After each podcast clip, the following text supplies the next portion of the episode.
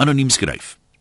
Nou dat die matrieks weer aan die eksamen skryf is, kan 'n mens help om weer terug te dink aan jou eie eindeksamen nie.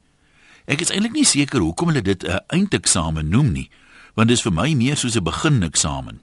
Sodra die eksamen begin, begin die moeilikheid ook mos. Toe ek matriek geskryf het, was dinge anders. RSG het toe nog nie hersieningsprogramme gehad nie. Ons het nie ou vraestelle gehad om deur te werk nie. Deesdae het party matrieks al die ou vraestelle en sommer die nuus ook. Ons het wel in twee opsigte 'n groot voorsprong gehad bo baie van vandag se skole. Ons het boeke gehad. Die ander voordeel was dat ons onderwysers glad nie gestaak het nie. Al het ons dikwels gewens hulle wou. Ons het wel spotvrae gehad.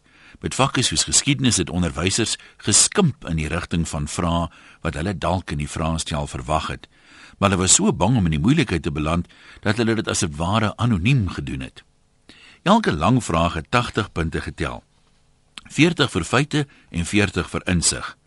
En met die voortvarendheid van die jeug het ek toe nog geglo insig is wel moontlik sonder feite. En sien dat dit insig in my gevalle gegeewe was, was ek nie uitermate bekommerd oor my gebrekkige feitekennis nie. Hierdie vals selfvertroue het my wys gemaak dat onnodige studie voorkom moes word. En uh, my vriende ook.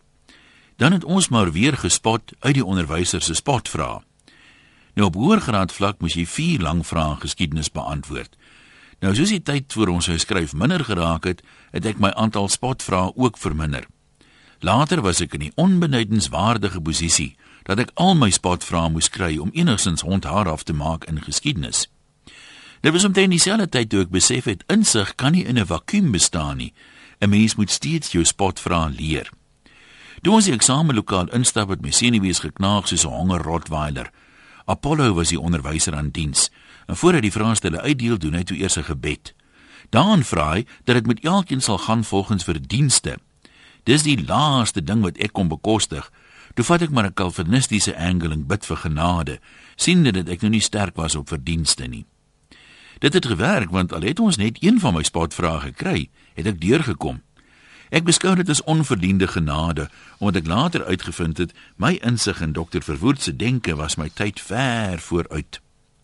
Administratiewe flaters is natuurlik geen nuwigheid nie en as my ware punte op 'n ander ou se uitslaa beland het, dan hoop ek nie sy H-simbool word lewenslank teen hom gehou soos Julius se houtwerkpunt nie. Op universiteit het ek agtergekom dat ek al my lak in die matriekeksamen opgebruik het. Dit was hektiek. Dus is my wens aan al die matrieks, nie net vir die eksamen nie, maar sommer vir die res van jou lewe wat voorlê. Mag dit met jou gaan volgens verdienste. Groete van oor tot oor anoniem